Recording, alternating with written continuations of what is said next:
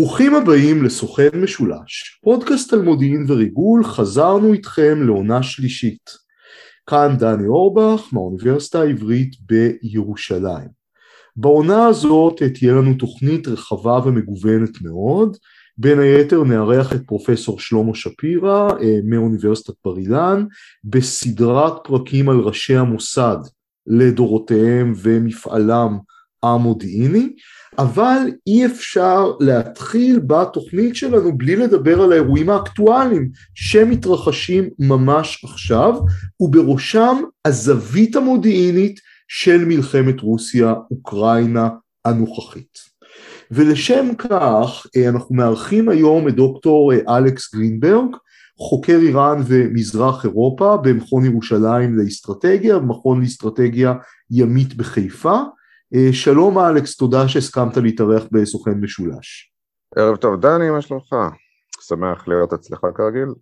מצוין, אז בוא נתחיל בעיקר. הרבה פרשנים אמרו שהרוסים נכשלו בשלב הראשון של המלחמה, אף אחד לא יודע מה יהיה תוצאות המלחמה באופן כללי, אה, נכון לרגע זה, נכשלו מכיוון שהם לא העריכו נכון לאיזו מלחמה הם נכנסים. היה פה כשל של המודיעין הרוסי, מה, מה דעתך על האמירה הזאת? היה כשל, אה, כשל כפול ומכופל של כל גופי המודיעין הרוסים, והסיבה הראשונה, הם בכלל הם לא נערכו למלחמה, מכיוון שאיש לא חשב שתהיה מלחמה.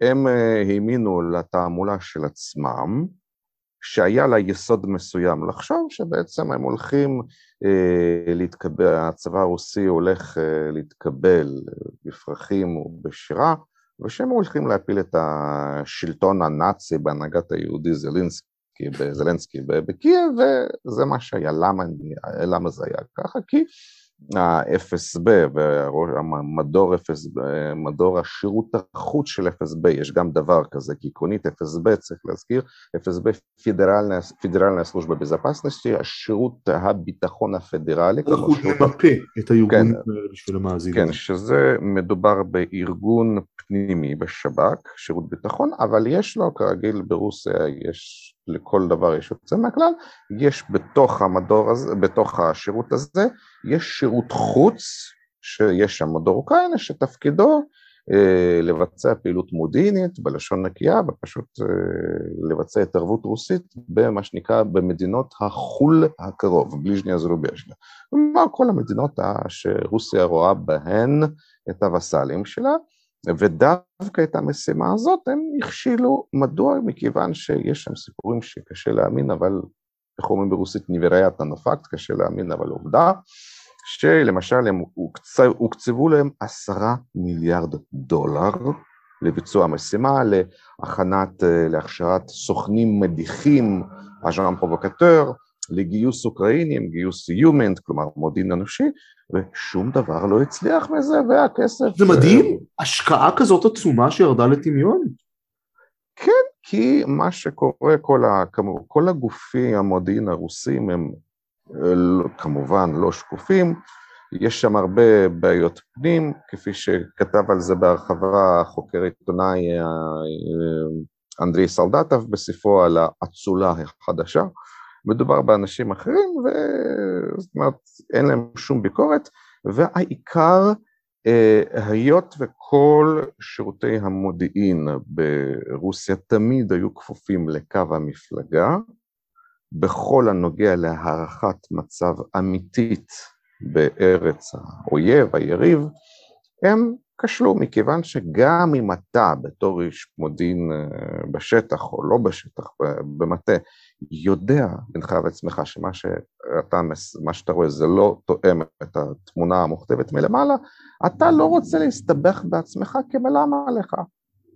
וככה זה... אני זוכר שאתה אמרת למאזינים בפרק קודם שהקלטנו ביחד על המודיעין האיראני, שאומנם הדברים האלה קורים גם בשירותי מודיעין מערביים לפעמים, אבל שם זה חריג, ובמדינות כמו רוסיה ואיראן זה הנורמה. נכון, זה, זה פשוט built in, מה שנקרא hardly wired, בתוך, בתוך המערכת, בכל, בכל, המ, בכל המשטרים שהם לאו דווקא אוטוריטריים אה, רכים כמו ספרד של פרנקו, אלא משטרים אימתנים כמו... בוא נעשה את זה מסודר בשביל המאזינים. נניח שאתה עכשיו איש אה, מודיעין רוסי רגע לפני הפלישה. איך אתה מתאר לנשיא פוטין את אוקראינה? מהי אוקראינה? איזה תמונה אתה נותן לנו? אה, אוקראינה, היות וכמובן אם אני איש מודיעין של פוטין, אני יודע בדיוק מה הבוס, המנהיג, הנשיא הצאר רוצה לשמוע.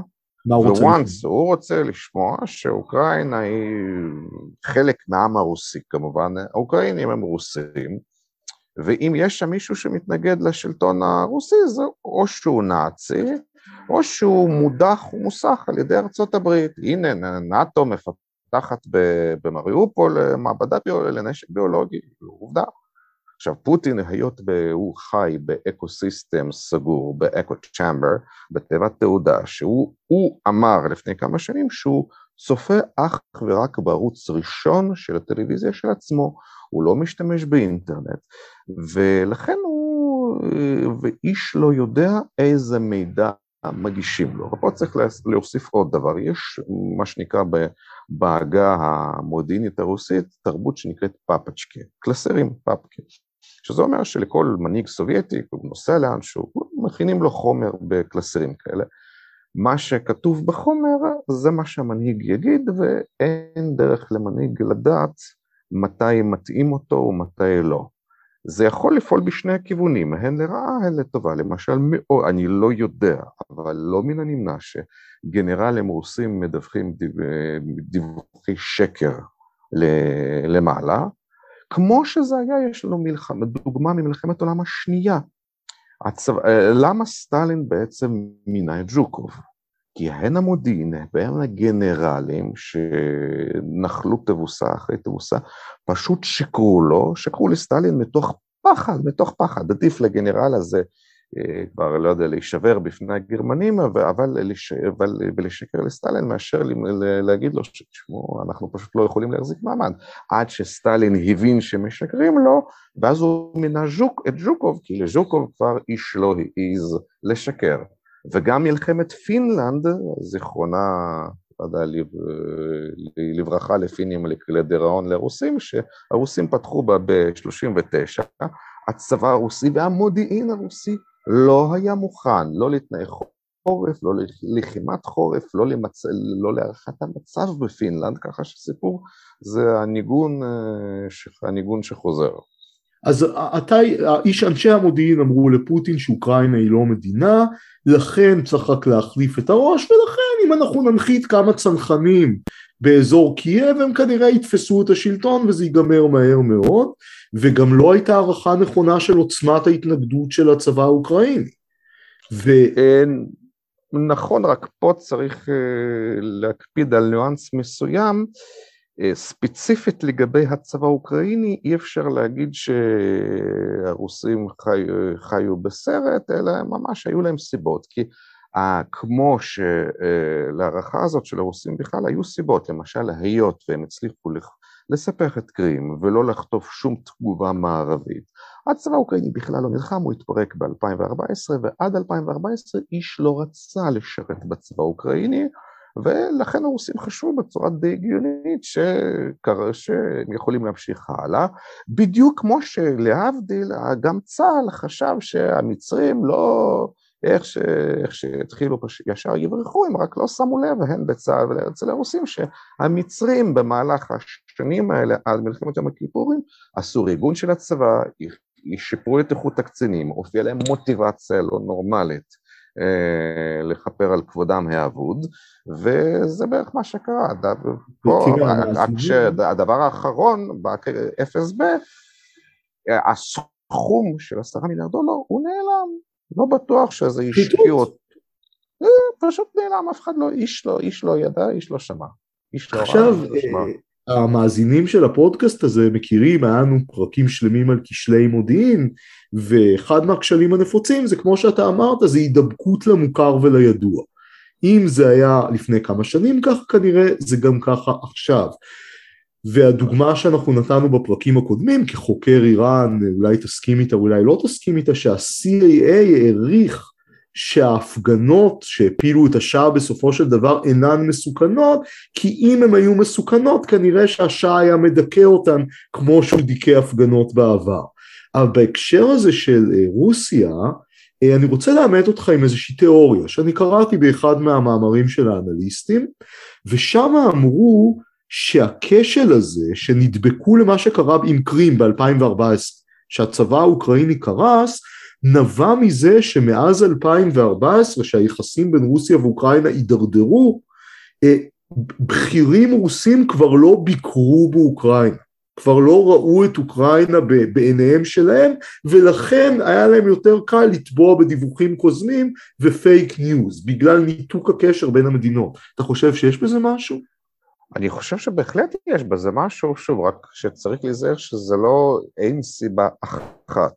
יש שלל סיבות, גם מאוד יכול להיות שמה שקובעים האנשים בשטח זה פחות משנה, מה שחשוב זה לשמר את תמונת המצב הידועה כדי לשמח את היושבים במרום למעלה, זה מה שחשוב, אבל בעיקרון זה כן, לא היו, לא, לא היו להם אה, ביקורים באוקראינה, הם גם לא יודעים אוקראינית בדרך כלל, כמו שזו גם תמונה שחוזרת גם בנציגויות דיפלומטיות רוסיות, שגם חזרה לעצמה פה, שידוע שהדיפלומטים הרוסים למשל במדינות בלטיות לא יודעים, לא שולטים בשום, אנשי מודיעין שהם לא שולטים בשום שפה זרה. אבל לא יש לי שאלה, אם אתה דובר רוסית שפת אם, אתה יכול לקרוא אוקראינית גם בלי ללמוד אותה?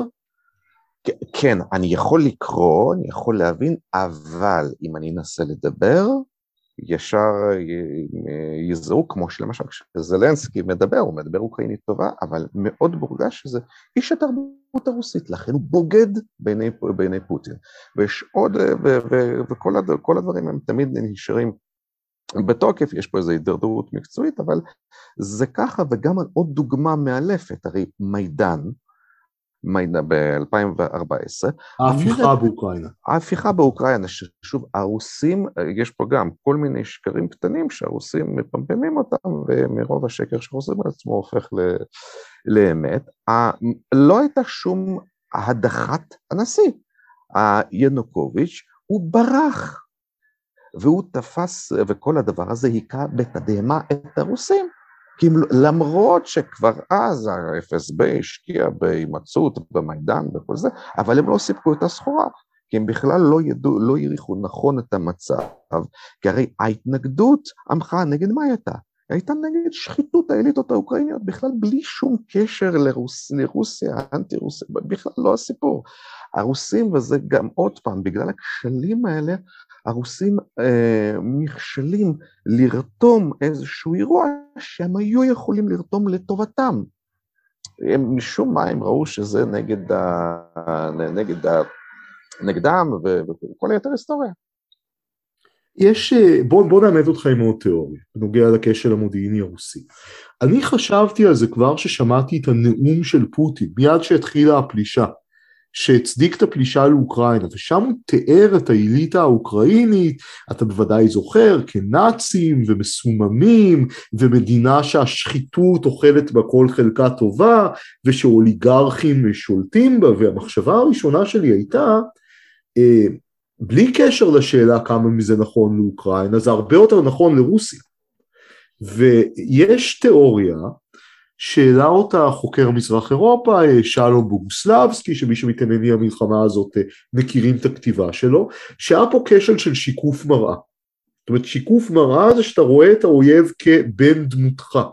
והרוסים שחיים במדינה מאוד מאוד ריכוזית, השלו את עצמם לחשוב שאם הם יעשו כמה עריפות ראשים באליטה האוקראינית, כולם יקשיבו לשליט החדש שהם ישימו, בדיוק כמו במליטופול, שהם חטפו את ראש העיר, שמו איזה מי שהשתה פעם במועצת העיר, ולא מבינים למה לא מצייתים לה. אתה חושב שהיה פה קשר של שיתוף? אני חושב בהחלט, בהחלט, זו תופעה שנקראת אה, בעגה המודיעינית mirror imaging, שזה באמת תמיד קורה אצל כולם, כמו, שאמריק, כמו שאמריקאים חושבים אותו, אותו דבר, למשל אמריקאים חושבים ככה, אני מפשט את זה, שבעצם מי שיושב בקרמלין זה כאלה כמו דייוויד פטראוס בפנטגון, רק שהם רעים, אז זהו שלא.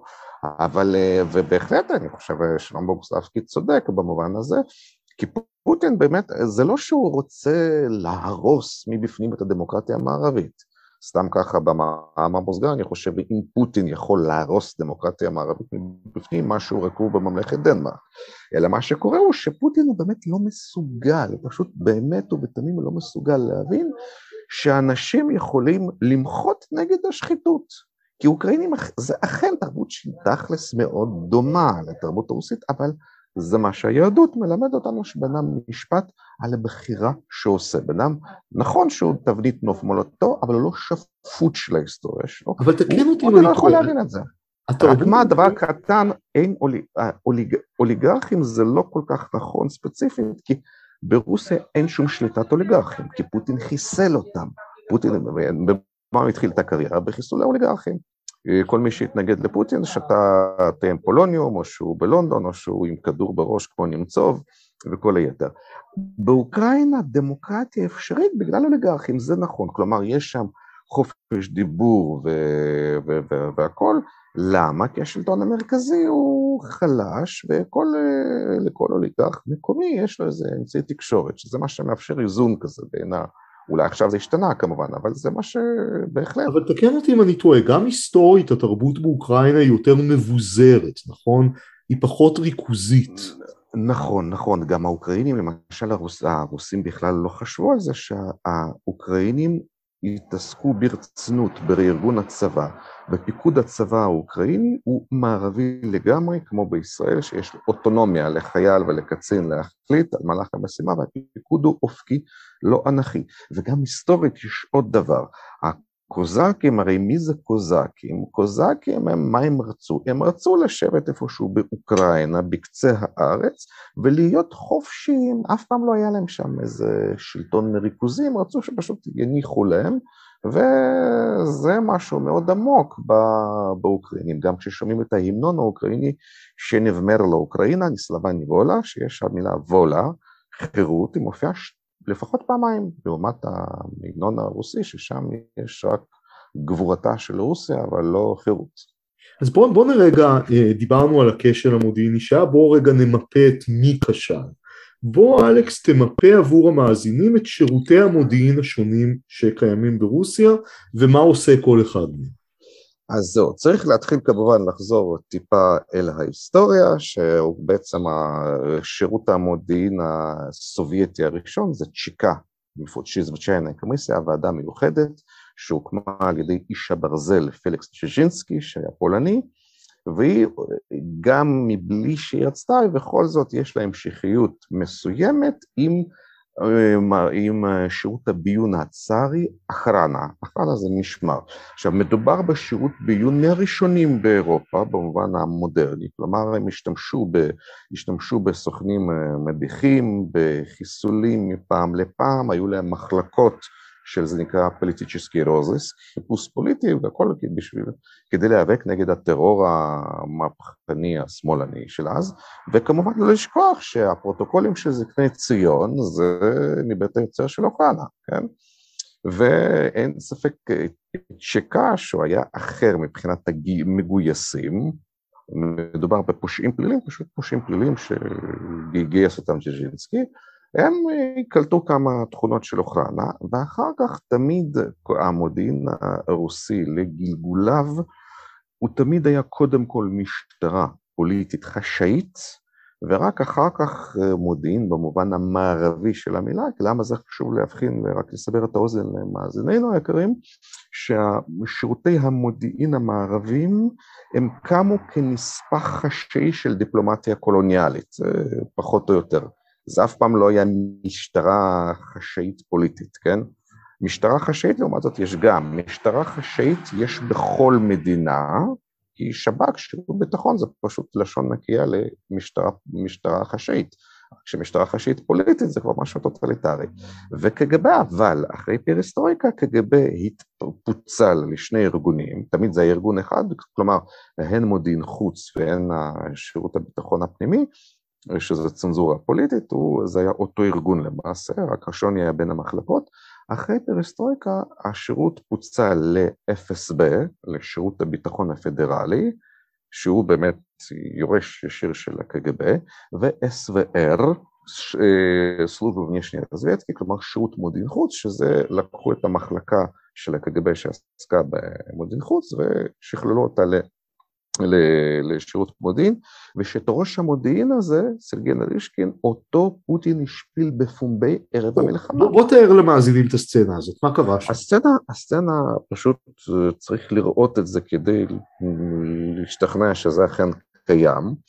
פוטין שאל ערב המלחמה, הוא אה, העביר מהלך בפרלמנט, כמובן בפרלמנט שחותמת גומי, האם להכיר בעצמאותן של שתי הרפובליקות הדונבאס, שהיה שם ג'נוסייד נגד העם הרוסי, וכידוע, הוא שאל, הוא שאל, האם אתה שאל את אה, סרגי נרישקין, ראש השירות הזה, האם אתה תומך, תומך או לא? עכשיו, נרישקין נבהל לרגע מכיוון שהוא לא ידע מה פוטין רוצה, הוא לא ידע. ואז ברגע שפוטין קלט שהוא לא יודע, הוא התחיל פשוט להתעלל בו ולהשפיל אותו בפומבי, שזה דבר, וזה גם מראה, מראה גם, גם לסבר את האוזן, מראה מי זה פוטין. פוטין או לא שטן או לא היטלר, לא סטלין, לא זה, אבל זה בן אדם שהוא אכזרי ונקמני באופן פתולוגי. זאת אומרת, מדובר בשירות של גם בן אדם מבוגר מפוטין, גם הוא היה, יכול להיות שפוטין גם הוא אכול בתסביכי נחיתות, כי הוא נמוך.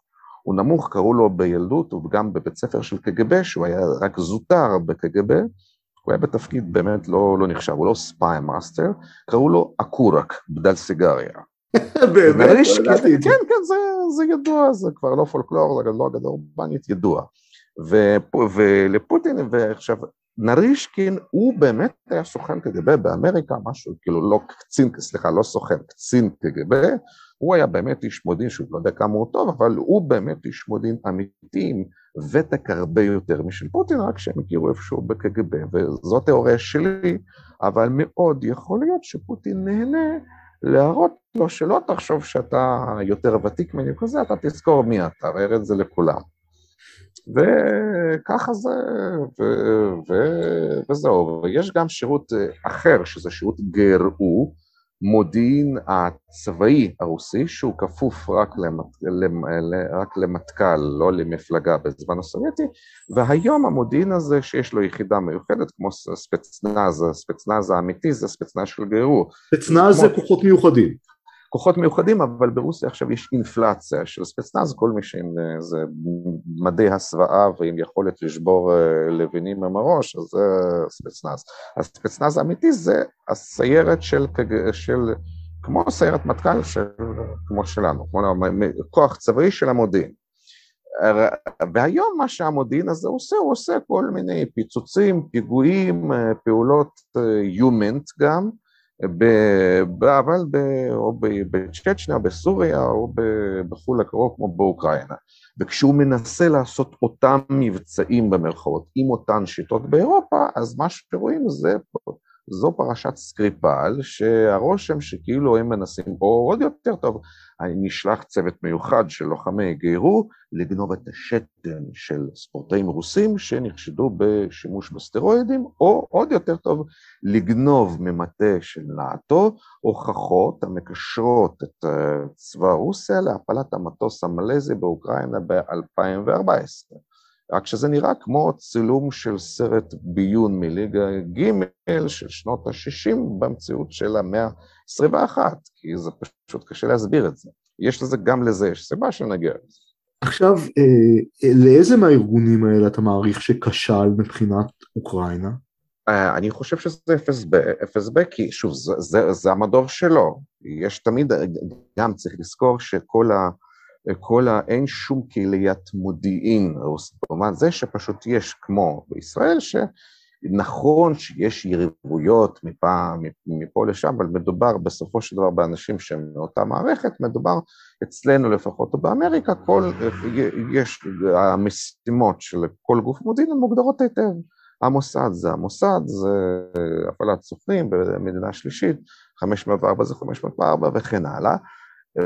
ברוסיה, כמו ביתר המשטרים מהסוג הזה, קודם כל הארגונים האלה הם רבים אחד אל השני, נלחמים אחד בשני, ונלחמים על הקרבה למנהיג, והמנהיג שואב את כוחו, כמו פוטין, לא כי הוא דיקטטור כל יכול, הוא לא, אלא הוא כזה, איך לומר את זה בעברית, above the fray, שהוא הבורר, הוא יודע לאזן ולהשכין אה, שלום בין היריבים, אבל עדיין, אבל הם כמובן מפילים את האחריות, אם יש, אה, להצלחה יש הרבה אבות, אבל הכישלון תמיד יתום, רק שרוסים עשו את זה צעד אחד קדימה או אחורה, וכמובן עם אפס באחראי לאוקראינה, זו אחראי לאוקראינה, גיירו זה פעולות אקטיביות כבר תוך כדי לחימה או מלחמה, אבל הערכת מצב באוקראינה זה אפס ב... עכשיו מצאו, אה, היו שמועות שפוטין עצר את אה, בסדה, את ראש מדור אוקראינה באפס בבית הסגן שלו.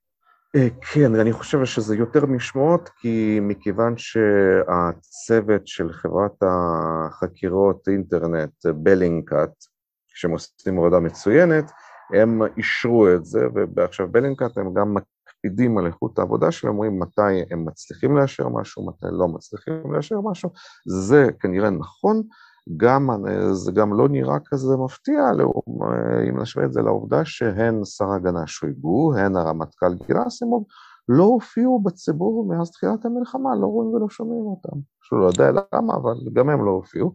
רק פוטין אה, כנראה כעס על הכישלון, אה, ורק שזה כבר מאוחר.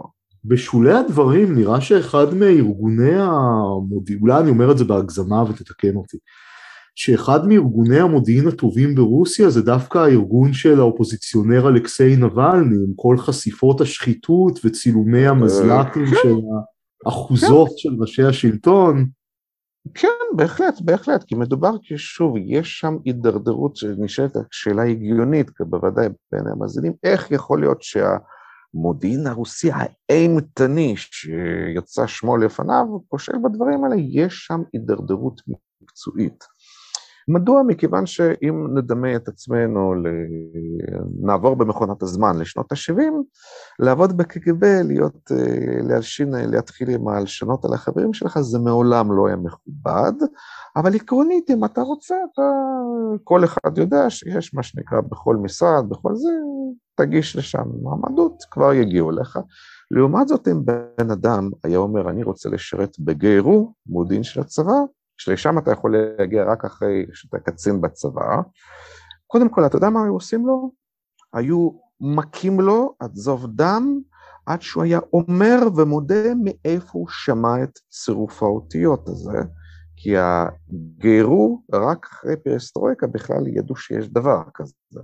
זה ארגון סודי ביותר, מה שנקרא, ומי שכבר שירת בגרירו, או שהגיע מטעם קג"ב לאמריקה, אז זה בכלל חיים אחרים.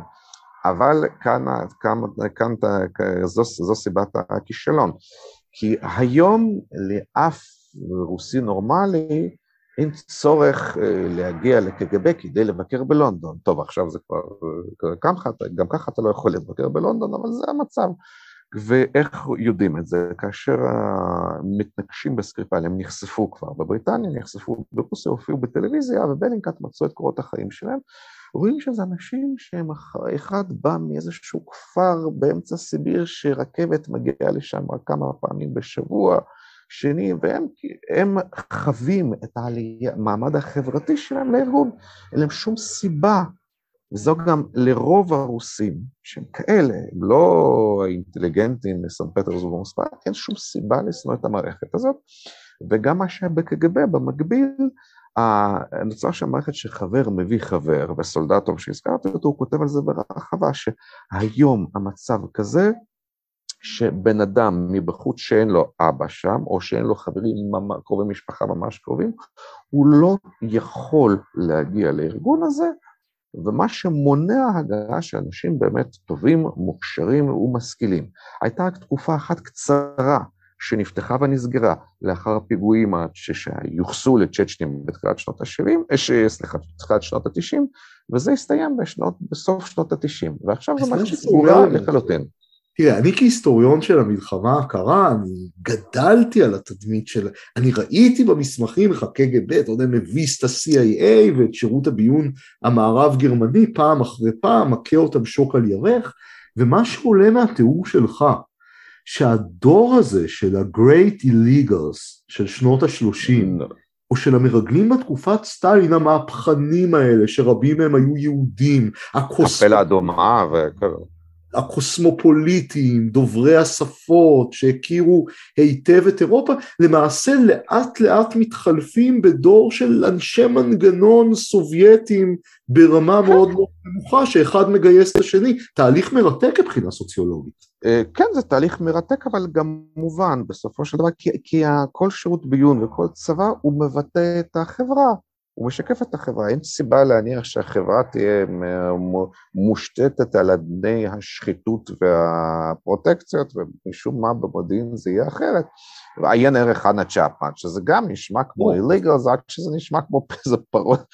ספר, ספר למאזינים, כי לא כולם מכירים. מדובר על, מדובר, קודם כל, שוב, צריך להסביר מה זה illegal, זאת אומרת מונח מודיעיני רוסי, הכוונה, הכוונה לא קצין קג"ב שעובד בכיסוי דיפלומטי, שזה כל שירות מודיעין עושה, זה בידוע ששגריר שני או שלישי של כל שירות הוא אחראי לקשרי מודיעין, זה ידוע, אבל מה שהרוסים פיתחו בגלל מה שציינת, כל מיני, בעיקר יהודים שדיברו יידיש כמובן, עברו לדבר גרמנית, הם צברו פזם של שהות בחו"ל, בשוויץ, בגרמניה, גם לנין עצמו דיבר גרמנית מצוינת, והם היו בקומינטרן, עובדי אינטרנציונל הבינלאומי, ואנשים כאלה הם היו אנשי מודיעין מטבעם, אבל אה, הדור הולך ופוחת, ומי שבא במקומם, אה, ואז אנשים, סליחה, אנשים כאלה, הם כונו איליגל, זאת אומרת, זה בן אדם שהוא חי בכיסוי כשתול, באמת כשתול שהוא, חושבים שהוא גרמני מפבולז'יה, מאיזה גרמני מוולגה, או, והם כאלה. אלא שטכנית, אחרי הרבה שנים, כבר אין אנשים כאלה, אבל המונח והעיקרון נשאר, רק שהעיקרון הוא לא, לא תואם את המציאות, כמו שוב להבדיל, אין יותר בישראל מאזינים אה, ילידי סוריה או עיראק שהם, שהם ישנם בכמויות שהם יכולים לתפקד כדוברי ערבית טבעיים, פשוט אה, לכן עושים כל מיני פתרונות חילופיים.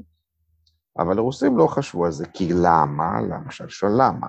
למה? מכיוון שהמקום, כמו לשרת באמריקה, זה מקום יוקרתי, שאף אחד לא רוצה לאבד אותו. אז אבא מעביר לבן וכן הלאה, אז כל המלחמה על מקומות השירות היא מאוד קשה, כי כולם רוצים לשרת בוושינגטון ובניו יורק ולא באפריקה. תמיד היה במשרד החוץ הרוסי, אף אחד לא רצה לשרת באפריקה למרות שאתה מקבל יותר כסף, אז זה כי בכל זאת. וככה זה נשאר, ו... ומה שעשו עם אנה צ'פמן, גייסו איזושהי בחורה שהיא ספק כוכבת, איזה סרט אה, נמוך, חולת אמה, שהיא הייתה אמורה ל... ל... לשאוב מידע, וגם פה שוב משהו סובייטי, הרי הרבה פעמים הסוכנים הסובייטים, לא סליחה, קצינים סובייטים, סוכן זה מי שמגויס על ידי שירות מודיעין, כן, נכון. הם נתפסו בקנדה או בארצות הברית, למה?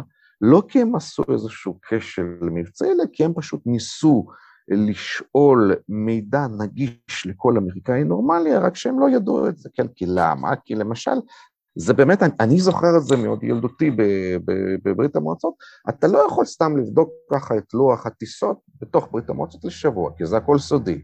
עכשיו הם עשו אותו דבר, לימדו אותם אנגלית, אבל אה, אה, לא לימדו אותם שיש דברים ש...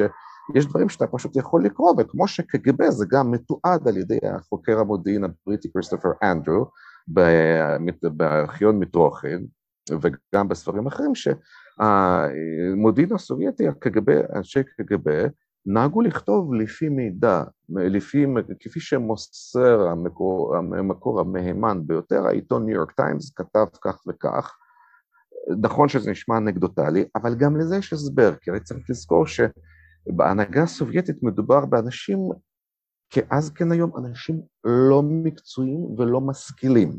לא בהכרח אנשים, אבל אף פעם לא היה מישהו משכיל בארצות הברית. היה רק שר אחד, סובייט, שר סובייטי אחד שהוא דיבר אנגלית, אנדרי גרומיקו, שהיה שר החוץ אה, שאין לו תחליף. ולאנשים כאלה הם, לא, אין להם שמץ של מושג מה זה עיתון ניו יורק טיימס, למה זה לא וושינגטון פוסט, הם יכולים לכתוב כל מה שהם רוצים, עד שגורבצ'וב בכבודו ובעצמו הוציא הוראה מפורשת לקג"ב להפסיק לעוות את התמונה, את תמונת המציאות במדינות הקפיטליסטיות וליצור תחושה אלרמיסטית. פשוט הוא אמר במילים. פשוטות, תפסיקו לזבל את המוח. אז מה קורה אחרי נפילת ברית המועצות לכל מערך המודיעין הזה? Uh, הוא, הוא מדרדר כי גם אנשים נשארו, uh, שרבים מהאנשים האלה נשארו ללא, ללא מעש, ללא עבודה, אבל הם התארגנו ו... והתארגנו, מצאו עבודה, שוב, אני לא יודע בדיוק כמה ומי. כמובן שיש גם מחלוקות מקצועיות כמו סיגינט וכמו מודיעין אותות, אבל גם פה יש ניואנס. הרוסים תמיד היו טובים ביומנט, בגיוס מקורות אנושי, לא סומכים כל כך, בניגוד לאמריקאים, הם לא סומכים. בניגוד מוחלט לאמריקאים, כן. כן, בניגוד מוחלט. יש, האם יש להם מודיעינות? כן, יש, אבל רואים שזה לא עובד באוקראינה, והם סומכים על גיוס, שבזה הם טובים. אבל גם זה לא, זה לא כל כך עבד, ורק יש הבדל בסיסי ועקרוני, ש... גם בשנים הסובייטיות קג"ב לא היה מושחת, או לא היה מושחת כמו כל היתר, הוא לא היה מושחת גם, השחיתות הייתה, אבל זה היה petty corruption, מדובר במשהו קטן, אתה נפגש עם פקידה, אתה צריך לתת לאיזה חפיסת סיגריות, שוקולד טוב, כי כולם היו עניים. וקג"ב פחד מהמפלגה, כי אסור לשכוח שקג"ב תמיד היה ונשאר שילד ונשוורט דר כלומר מגנה וחרבה של המפלגה. כזה הוא היה. אמרת את זה בגרמנית, למה? כי אני נזכר כל הזמן בשטאזי, ששטאזי היו אה, כמו. קג"ב, אבל עוד יותר... כי בשטאזי, לפחות בקג"ב, יש שחיתות, יש רשלנות, אה, מישהו שכח, זה, בשטאזי הם עשו כל לפי הספר. אלכס, נחזור רגע, אנחנו מתקרבים לסוף הפרק לכשלים באוקראינה, אה, יש פה גם כשל מאוד מאוד משמעותי של ביטחון מידע, של מודיעין מסכל. כי אנחנו רואים שכל המערכת הזאת של האזארט, של המכשירי הרדיו המוצפנים, לא עבדה, וקצינים דיברו בטלפונים הסלולריים שלהם, מה שאפשר למודיעין האוקראיני לנטר אותם. יותר מזה, חיילים רוסים שלחו הודעות בטינדר לבחורות אוקראיניות, וככה נתנו מידע למודיעין האוקראיני על ריכוזי הכוחות. איך אתה מסביר את הכשל הזה בביטחון מידע? אה, יש פה כמה הסברים, דבר ראשון גם זה מתועד, פשוט השיחה, שיחה בין שני קצינים מתועדת. כל חידוש טכנולוגי שהרוסים אה, פרסמו בשנים הקודמות, שמדובר במערכת מוצפנת הכי טובה שיש בעולם, ומערכת הניווט שלהם היא לא GPS אלא גלונס, אבל זה לא עובד לגמרי. אבל מסתבר שמערכת הקשר המוצפן ERA, כמו משהו מהסוג הוורד האדום אצלנו, פשוט לא עובדת, לא עובדת, אז הם מקללים אחד את השני, אומר, אחי, תעזוב קללות קללות, קח את טלפון נורמלי, תדבר זה, למה זה לא פועל. ככה, ככה עובדים, והרבה קצינים בכירים וגנרלים רוסים נהרגו בדיוק בגלל זה, כי פשוט הם לא יודעים לפקד מתוך חפ"ק, אין תרבות של חפ"קים, אבל בכל זאת צריך, ואז הם מדברים בקשר אוקראיני, עוד יותר, לא סתם קשר סלולרי, קשר אוקראיני סלולרי, עוד לא, מה שעוד לא הפציצו, כמובן שאוקראינים מגלים את זה, וכן הלאה, וגם לכאורה, הרוסים היו ראשונים בחלל, נכון? יש להם לווייני צילום וריגול, יש, אבל עובדה שלא משתמשים בהם, לא, זה לא מספק את הסחורה. למה? יש לי הסבר גם, אני חושב שזה הסבר, כי פוטין דווקא חיזק את המודיעין הנגדי, את המודיעין הסיכולי, הקונטרזוויאטקה, מה שנקרא, בשורות הצבא הרוסי. אבל כמו שאומרים ברוסית, הפתגם, רצינו כמה שיותר טוב, יצא כמו תמיד. המודיעין. אמר את זה צ'רנומירדין, לא? זה אמרה אה. ידועה של ויקטור צ'רנומירדין, אני חושב. כן, כן, זה... אבל זה... כן, אבל מה שהיופי בכל המרות האלה, שמבטאות את המציאות יותר טוב מכל מיני מחקרים אנליטיים ש... ופה פשוט ככה זה יוצא. כי למה? כי מודיעין כזה, המודיעין הסיכולי, קודם כל, הוא בודק, הוא עוסק מה שפוטין בעצמו עסק במזרח גרמניה, זה מה שהוא עשה. ובדיקת הכשרות האידיאולוגית, או לא אידיאולוגית, הלויאליות של החיילים. אנשים כאלה, וגם באיראן, אנשים, כל זרועות המודיעין האלה, נכון שבאופן פורמלי יש להם יכולות טכניות, שלכולם יש להם, אבל כל המטרה היא לשמור, להילחם נגד דיסנט, להילחם, אה, לדכא את האוכלוסייה שלך. ואנשים כאלה תמיד, שוב, הוא נזהר מלהגיד תמיד, הם ייכשלו ברגע שהם נתקלים נגד צבא סדיר עם מוטיבציה, עם איזשהו ארגון מודיעין נגדי רציני. וכשאתה מחפש אה, בדיקת הלויאליות של החיילים הרוסים, אז... אה, ואז גם כשאתה עושה את זה, אתה גם לא יכול להגיד, אתה לא ייתכן למצב שבו יכתבו, תקשיבו, המצב הכל בסדר, אין שם צריך לעסוק בדברים אחרים, לא, כי אז אתה אה, כורת את הענף שעליו אתה יושב, אז מייצרים אויבים, כמו שזה תמיד היה, מייצרים אויבים, מדווחים שכך וכך מרגלים נתפסו, כי זו תוכנית, צריך לתפוס כך וכך כך מרגלים. ובינתיים יש כל הקשרים הטכניים האלה. בוא נדבר על אה, מבצעי ההשפעה הרוסיים, כי זה נראה לי עוד בלון שהתפוצץ. בשנים האחרונות הרבה מאוד חוקרים ועיתונאים הערביים דיברו בחיל ורעדה על איזה רשת מפחידה של מבצעי השפעה רוסיים, סוכנים שמעודדים כאוס וקשורים ממפלגות משמאל ומימין, שעושים התקפות סייבר כל הזמן. ויש, אני נמצא בקבוצת וואטסאפ שמקצועית של סייבר ואני כל הזמן רואה שם דיווחים על התקפות רוסיות למיניהם, ואפילו הטו את הבחירות לטובת טראמפ. אז איך יכול להיות שעם כל הרשת הכל יכולה הזאת, כל מעוזי ההשפעה של פוטין באירופה וארצות הברית כמעט קרסו כולם אחרי שהתחילה הפלישה. אולי הגזמנו בכוח של מבצעי ההשפעה של המודיעין הרוסי? בוודאי, זו הייתה הגזמה ומיקוד לא נכון. נכון שרוסיה, ב- ב- יש להם מה שנקרא, תח... לא מלחמה היברידית, אלא אמצעי השפעה היברידיים, כלומר הרוסים פשוט חושבים מה אפשר לעשות. אה, ועושים משהו, למה? כי הם לא מטריחים את עצמם בשיקולי חוק וסדר ומוסר, אבל אה, צריך לזכור שרוסיה יכולה להתערב ולבחוש רק באותם מקומות שהסטרוקטורה החברתית-פוליטית היא דומה לרוסיה, שיש שם שחיתות למשל. היא לא יכולה, למשל הרוסים לא מצליחים לבצע שום, אה, שום מבצע השפעה בלטביה, כי לטביה היא מדינה מערבית פרוטסטנטית לגמרי, אין שם שום אפשרות לעשות את זה, אפשרי, גם באוקראינה היה אפשרי לעשות את זה, אבל גבול מסוים, וכנ"ל עם סייבר, האם הם יכולים לעשות התקפות סייבר? יכולים, אבל המלחמה באוקראינה הוכיחה שיש לזה יכולת מוגבלת, מכיוון שאוקראינים למדו, או יש אומרים שבסיוע ישראלי, אבל לא יודעת כמה זה נכון, הם למדו להתגונן, וזה לא, וגם הם הצליחו, הם הצליחו להוציא מכלל פעולה את המערכת הבנקאית האוקראינית. נכון, הצליחו, אבל אוקיי, הצליחו לכמה ימים, והיא חזרה לעבוד. זה לא משהו, זה לא מכריע, מאוד מסוכן להפוך את זה, שוב, כמו שנוהגים חברינו האמריקאים, להפוך איזה אמצעי טכני לכלות הכל ולבטל בגלל זה את כל ערכי הלחימה הקלאסיים. וזה, וגם עם סייבר יש בלבול, מה זה בדיוק סייבר?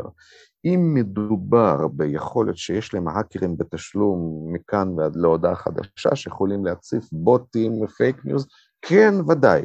רק שזה מדובר בזה. אם מדובר במשהו אחר, בסייבר סיני, כלומר מדובר בחדירה מבצעית לקודש הקדושים של הסודות האמריקאים, זה כבר לרוסים פשוט אין, כי מדובר פה משהו אחר, מדובר באיזשהו מבצע שיכול רק צבא או מדינה יכולים לעשות, אבל בשביל זה המפקדי אותה יחידה, הם צריכים להיות באמת להבין בסייבר, וכשסתם מסתכלים ככה אני אומר באמת מה שאני רואה, וכשכל אחד, כל מי שדובר רוסית יכול לראות, לא כי אני מנסה להשמיץ את הרוסים או להתפאר בידע שלי, כשרואים את כל האנשים, קשה לי לקרוא להם מכובדים, מופיעים בציבור, איש מהם לא נראה, לא דויד פטראוס, לא אביב כוכבי, ובוודאי שלא איזה סרגי, סרגי ברין ממציא גוגל, כן? אבל כדי לבצע מבצעי סייבר חודרני, לגנוב סודות, לא לגנוב לכלוך של אה, הילרי, כן? גם זה למשל דוגמה. האם יכול להיות שהם עשו את זה? יכול להיות, אבל שוב, מדובר במשהו מאוד פשוט, שהדמוקרטים בעצמם סירבו להשקיע באבטחה. והלכלוך, ש... שהיה הוא היה אמיתי, הוא לא היה מבושל על ידי רוסים. עכשיו פה יש פה ערבוב בין כל מיני דברים, ובסופו של דבר היכולת הזאת היכולת הזאת היא מוגבלת, בדיוק כמו שתמיד אומרים, איך אתה, תמיד אמרו לי, אני זוכר בכמה הזדמנויות, איך אתה אומר שלרוסים אין להם אסטרטגיה, והנה, והם טיפשים, והנה בסוריה הם הצליחו. בוודאי, אני לא אמרתי שהם טיפשים, אבל ברגע שיש להם רק אסטרטגיה אחת, ודרך פעולה אחת עם כוח, זה עובד עם סטרוקטורה חברתית כמו בסוריה, שגם שם מה יש לעשות רצח ושחיתות, הרוסים באמת מבינים מצוין את המערכת שם, ושם זה עובד.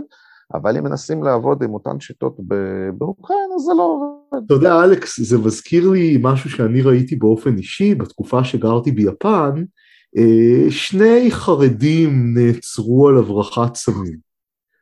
והגיע איזשהו עסקן חרדי שהגיע בבירור ממזרח אירופה עם מזוודה ענקית של מזומנים ואמרו לו מהר מאוד, תשמע חבר, כאן זה יפן, כאן זה לא רוסיה, אתה לא יכול להסתובב ולחלק מזומנים לפקידים, אתה תלך לכלא מהר מאוד, כאן השיטות האלה לא עובדות.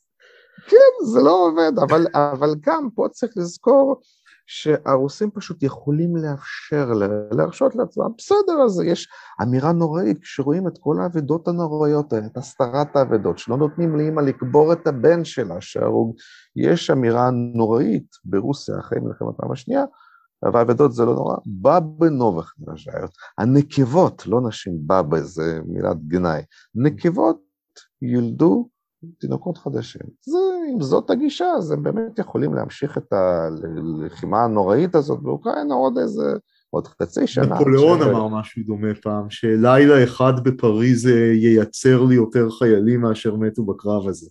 נדמה לי שהוא אחרי קרב אילאו.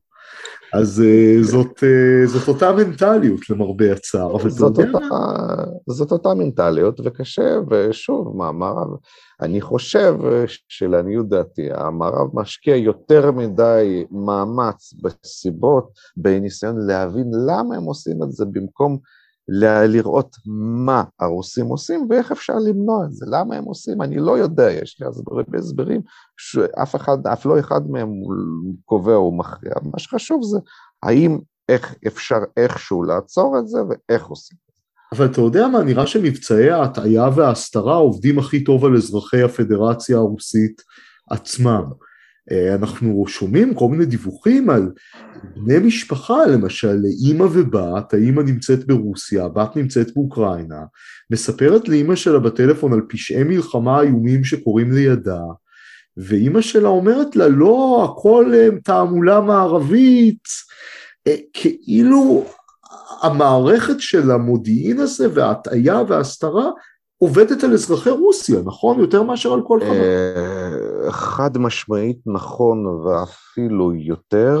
אה, יצא, יצא לי לתקש... לדבר עם איזה קרובת משפחה רחוקה, שכמובן לא מציין אה, מפאת הביטחון, ופשוט הם חיים, ב... הם מה שנקרא ואטה, ואטה זה צמר גפן ברוסית, הכוונה לאנשים שמוחם שטוף על ידי תעמולה רוסית. היא למשל אמרה שאסור במוסקבה לחבוש מסכות קוביד, למה? כי זה בלתי חוקי. למה זה בלתי חוקי? כמעט אמרתי לשאול, רגע, יש לכם דבר כזה כמו חוק? אה, מסתבר שזה מונע אה, את הטכנולוגיה של זיהוי פנים של מעקב, למה? כי האוקראינים עומדים לבצע פיגוע המוני במוסקבה, ואז, ואי אפשר, אפשר לשכנע כלום, אבל פה אני רוצה לומר משהו. תמיד צריך לזכור אה, את הדבר הבא, רוב רוסיה זה לא מוסקבה, זה לא סנט פטרסבורג, אלא ערים קטנות כאלה שיש שם שכרות, אה, ילדים אה, נטושים, זה אפרופו הערכים השמרנים של פוטין ושל רוסיה, ואנשים, רק לעשרה אחוז של הרוסים או פחות יש דרכון, דרכון חו"ל, ורוב הרוסים לא יודעים מילה באנגלית. וכאן אני נזכר בדבריו של קריסטו גרוזב, ראש, ראש צוות בלינקאט, שהזכרת אותו, שהוא בולגרי, אבל דובר רוסית, עם מבטא רוסי, מבטא בולגרי חינני, והוא אמר דבר כזה, שלפני שבוע בערך, שהוא הזין לאיזושהי, עוד איזושהי תעמולה רוסית, ומשהו נראה לו חשוד. טוב, הוא בירר, מצא שזה שקר כרגיל, ואז הוא אמר את הדבר המטריד הבא.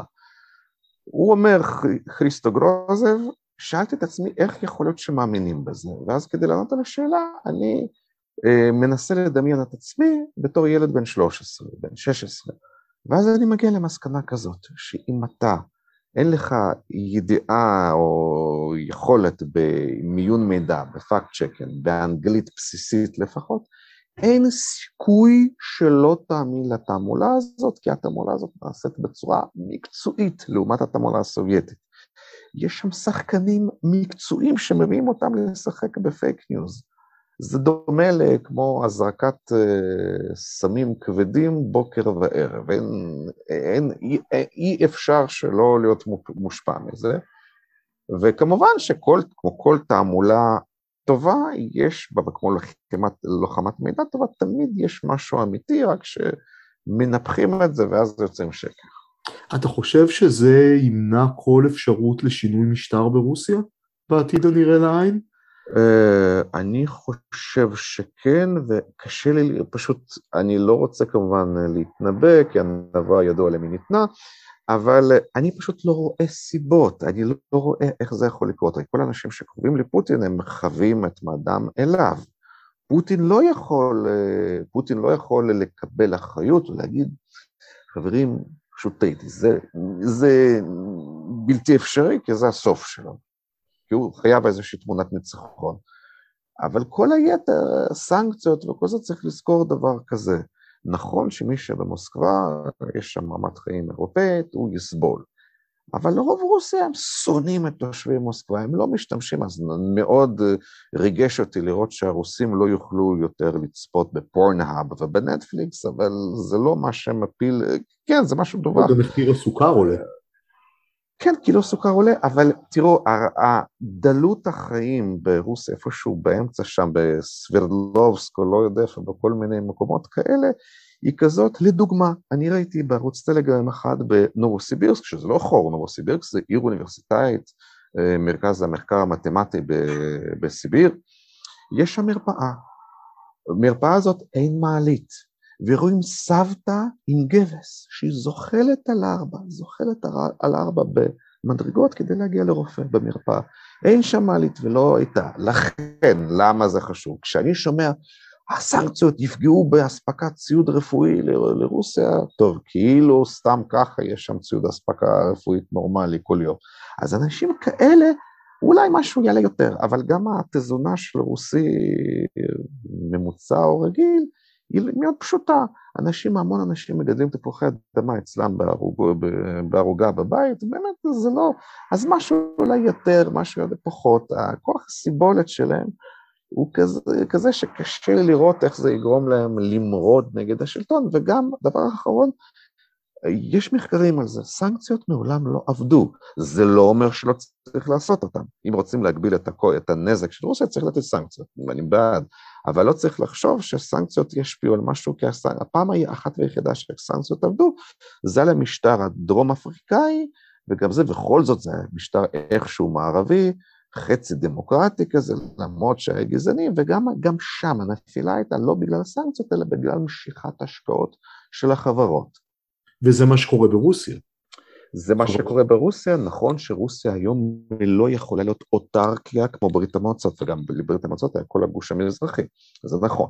אבל עדיין אה, יכולה להיות הידרדרות ברמת חיים, אבל כמה זמן זה ייקח בדיוק עד שרוסיה תתפרק, או שהשלטון יתחלף, או שהשייח ימות, או שהגמל ימות, איש לא יודע. מה שהייתי דואג, אני חושב, בתור שליטי רוסיה, זה יותר לחלקי חילוף לרכבות ולמטוסים. כי שמעתי שאלה מבוססים על אה, חלפים מערביים. ויהיה קשה נכון. להחליף את זה בחלפים סינים, כי הרכבות והמטוסים לא, לא בנויים ככה.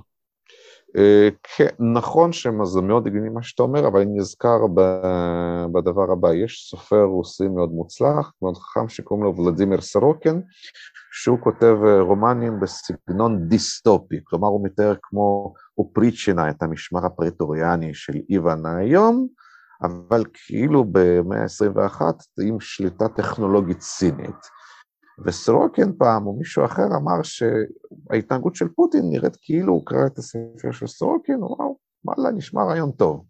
ונראה שזה הכל הולך לקראת זה, שבאמת יהיה איזה סוג כזה של רפובליקת דונבאס המורחבת, סלש צפון קוריאה סופט, עם, אה, עם טכנולוגיה סינית, כי ברור שהסינים אין שום, שום ברית בין סין לרוסיה, כי הסינים ורק הם יקבעו את טיב היחסים עם רוסיה, זה לא הדדי. ברור, אין שום ספק. אז התמונה מאוד עגומה עולה על המודיעין הרוסי, אה, מושחת מאוד, אנחנו מזכירים את העשרה מיליארדים שנעלמו, אה, יעיל בסופו של דבר רק נגד אזרחי רוסיה עצמם, ואנחנו אולי לא נראה נפילה של המשטר, אבל אנחנו רואים סוג של דעיכה איטית שכזאת. כן, כן, בוודאי, כי גם זה צריך לזכור עם כל המוראות שלו והפגמיה של רוסיה, השלטון הזה הוא מאוד מאוד לא יעיל, הוא לא שלטון סיני. מאוד יכול להיות שרוסיה תתפרק, זה גם תסריט חלום הבלהות של ההנהגה הרוסית תמיד, אבל uh, מתנהגים באופן כזה שהם פועלים לנבואה להגשים את עצמה.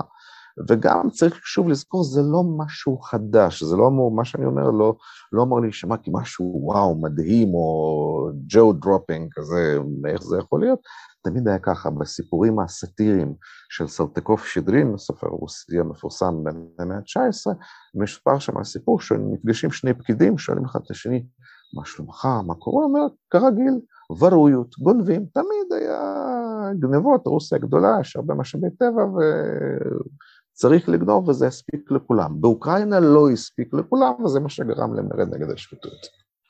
אתה יודע, כמו שאמר אה, ויקטור צ'רנומירדין, שהזכרנו ראש הממשלה בשנות התשעים, לא משנה איזה ארגון אנחנו מנסים להקים, תמיד יוצאת לנו בסוף המפלגה הקומוניסטית של ברית המועצות. בדיוק ככה, ב... הוא ידע מה הוא אומר. אז בנימה הזאת אני אודה לך על האירוח בסוכן משולש. תודה רבה לך. Uh, תודה רבה גם לכם מאזינים, האזנתם לסוכן משולש, פודקאסט על מודיעין וריגול, כאן דני אורבך עם אלכס גרינברג, משדרים מירושלים, ונתראה בפרק הבא.